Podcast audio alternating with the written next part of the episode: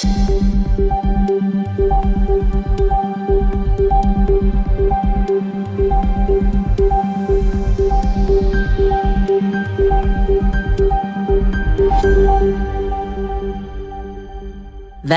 tilbake til Krimnytt, en podkast for deg som ønsker å følge med på aktuelle true crime-saker. Først i dag skal vi til en tragisk sak i Texas. 15. februar forsvant en 11 år gammel jente fra sitt hjem i Livingston, Texas. Sist Audrey Cunningham ble sett i live, var da den 11 år gamle jenta var i ferd med å gjøre seg klar for skolen torsdag morgen, og hun skulle ta bussen slik som hun alltid pleide. Men Audrey kom aldri på skolebussen eller inn i klasserommet sitt. Da Audrey ikke kommer hjem med bussen senere på ettermiddagen, blir hun umiddelbart meldt savna, og en Amber Alert blir utstedt. En Amber Alert er en form for varslingssystem som brukes for å varsle offentligheten når det foreligger mistanke om bortføring av et barn. Systemet ble opprinnelig etablert i USA og har siden blitt implementert i flere land over hele verden. Når en Amber Alert blir utstedt, distribueres det vanligvis en melding til allmennheten gjennom ulike kommunikasjonskanaler som radio, TV, teksting og digitale skilt langs veiene. Målet er å få hjelp fra samfunnet til å bidra og finne det bortførte barnet så raskt som mulig. Amber Alerts inneholder vanligvis detaljer om det bortførte barnet, inkludert beskrivelse, bilder, informasjon om kjøretøy eller personer som kan ha vært involvert i bortføringen. Tid er ofte kritisk i slike situasjoner, og Amber Alert-systemet er utformet for å raskt mobilisere hjelp fra publikum for å bringe barnet trygt tilbake. Audrey bodde med sin far og besteforeldre, og siden skolen ikke hadde meldt fra om at Audrey ikke hadde kommet, så ble hun ikke meldt savna før på ettermiddagen. Moren til Audrey, Cassie Matthews, gikk raskt ut i media og ba folk om å hjelpe å finne datteren. Audrey hadde på seg sorte bukser, hettegenser og en Hello Kitty-sekk. En kvinne som jobba i en dagligvarebutikk i nabolaget, la merke til en mann 15. februar om morgenen klokka ni. Hun beskrev han som en creepy looking guy, skalla i 40-åra med masse tatoveringer og rødt skjegg. Mannen hun så, var en venn av faren til Audrey, og hun tenkte ikke mer på det før hun så et bilde av han på Facebook. Bildet viste et mugshot der han var etterlyst. Mannen skulle vise seg til å være den siste som ble sett med Audrey.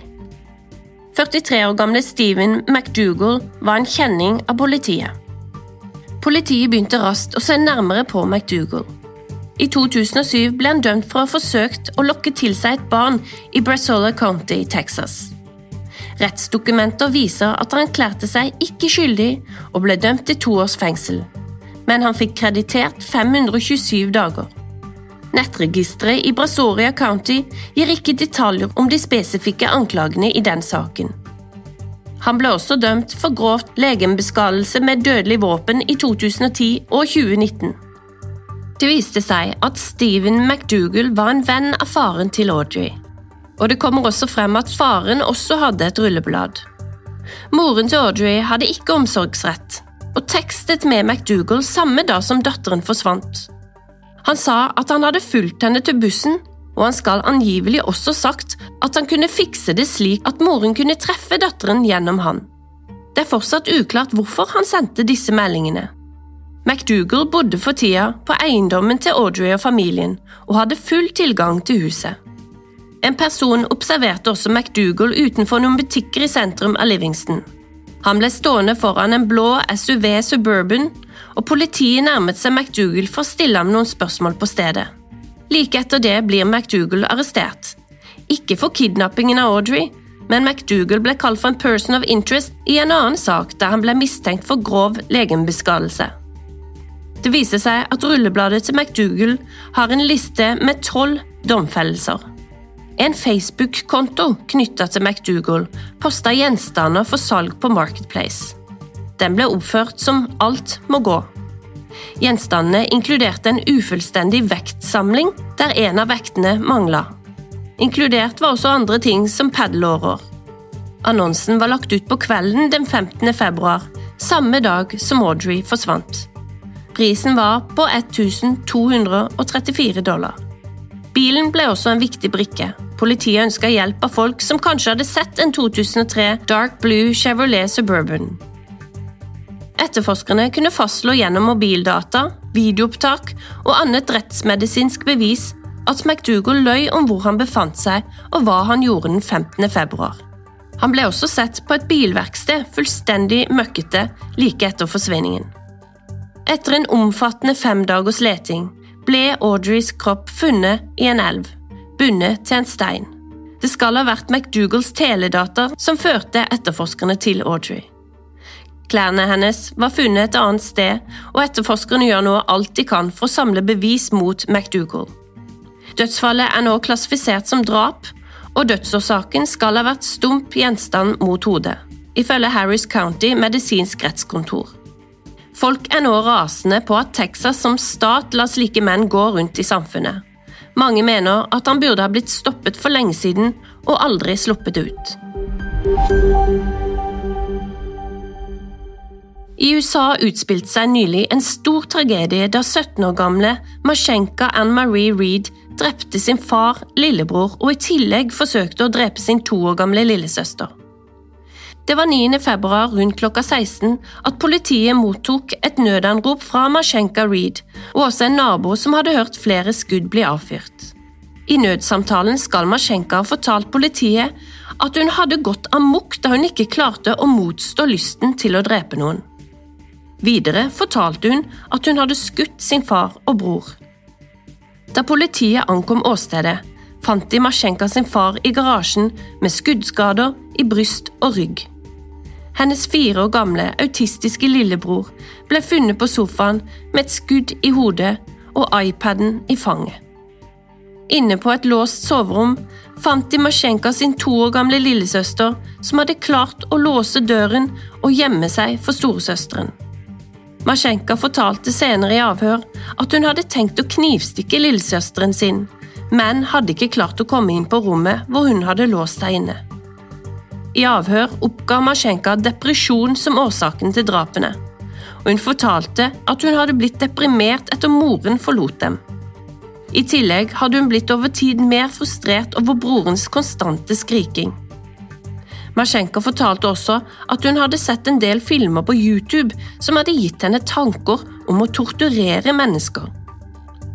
Masjenko fortalte også at hun ofte ble bedt om å passe småsøsknene sine, og var stort sett hjemme med dem hele uken. Hun mente at etter hvert som tiden gikk, så ble hun mer og mer lei og frustrert over å høre på brorens skriking.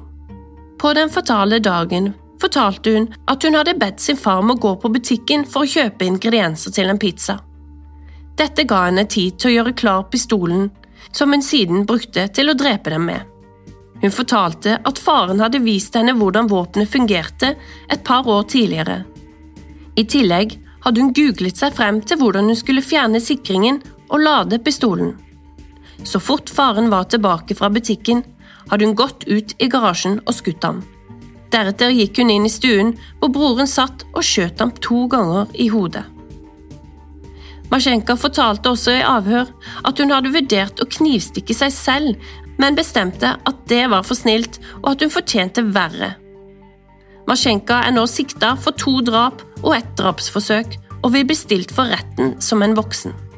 Det er usikker når rettssaken vil starte, men det er venta at Masjenka får strengeste straff, da hun selv har innrømmet drapene og bevisene sier det samme.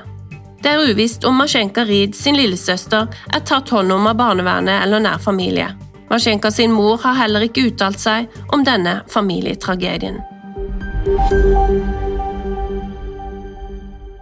Til slutt i dag så skal vi ha noen oppdateringer fra norske saker. Kvinna som ble sikta og varetektsfengsla for å ha drept sin 70-årige samboer på ei hytte i Flisa, er løslatt. Politiet arresterte kvinnen etter å ha mottatt obduksjonsrapporten og forsto at mannen var blitt skutt i hodet.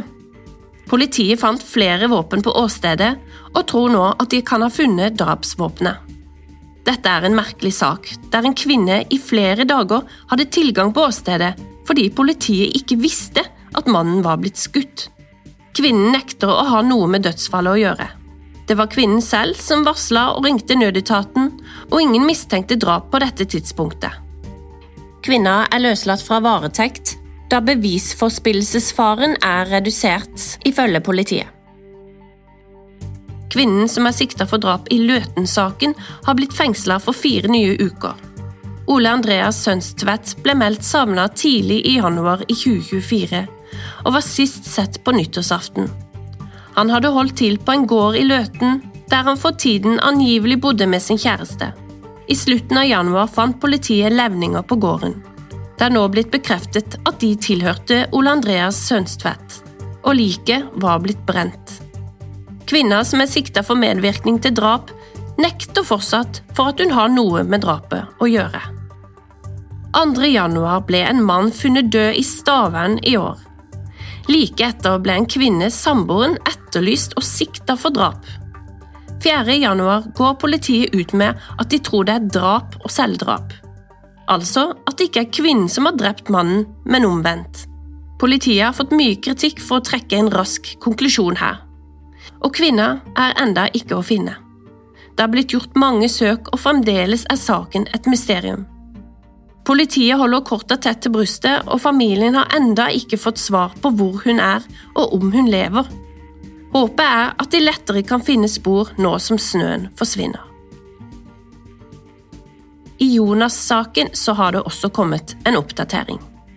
Hovedmannen, en 32-åring fra Hønefoss, har erkjent at han tilbød 35 000 kroner for et angrep på Jonas. Oppdraget skal ha blitt gitt til 28-åringen fra Rena. Ifølge NRK skal bestillingen ha vært for å banke opp Jonas. NRK skriver at allerede i tenårene ble 32-åringen dømt til samfunnsstraff for å ha skallet til noen. Han var da mindreårig, men over den kriminelle lavalder. Året etter ble han dømt i to saker, en alene og en sammen med en annen, også da for vold. I 2010 ble mannen dømt for å stjåle en bil og for narkotikabruk. I 2012 ble mannen dømt for vold mot en politibetjent samt vold mot andre. Ingen har ennå innrømmet drapet på Jonas, men det skal ha vært snakk om at flere kunne ønske å plage Jonas. Krimnytt følger med på alle disse sakene. Det var alt vi hadde i denne ukas Krimnytt. I forrige uke nådde vi 2000 nedlastninger, og vi er veldig takknemlige for å ha fått så mange nye lyttere. Liker du podkasten, så er det bare å trykke på abonner, og vi blir også veldig glad for en fin anmeldelse der du lytter på podkast. Ønsker du lengre episoder med true crime-saker, så er det bare å finne frem Krimprat med Lise og Fiona. Der finner du nå to episoder om Orderud-saken, der jeg snakker med ekspertene fra podkasten Orderud-mysterier, Silje og Halstein. Jeg ønsker dere en god uke. Vi høres neste tirsdag.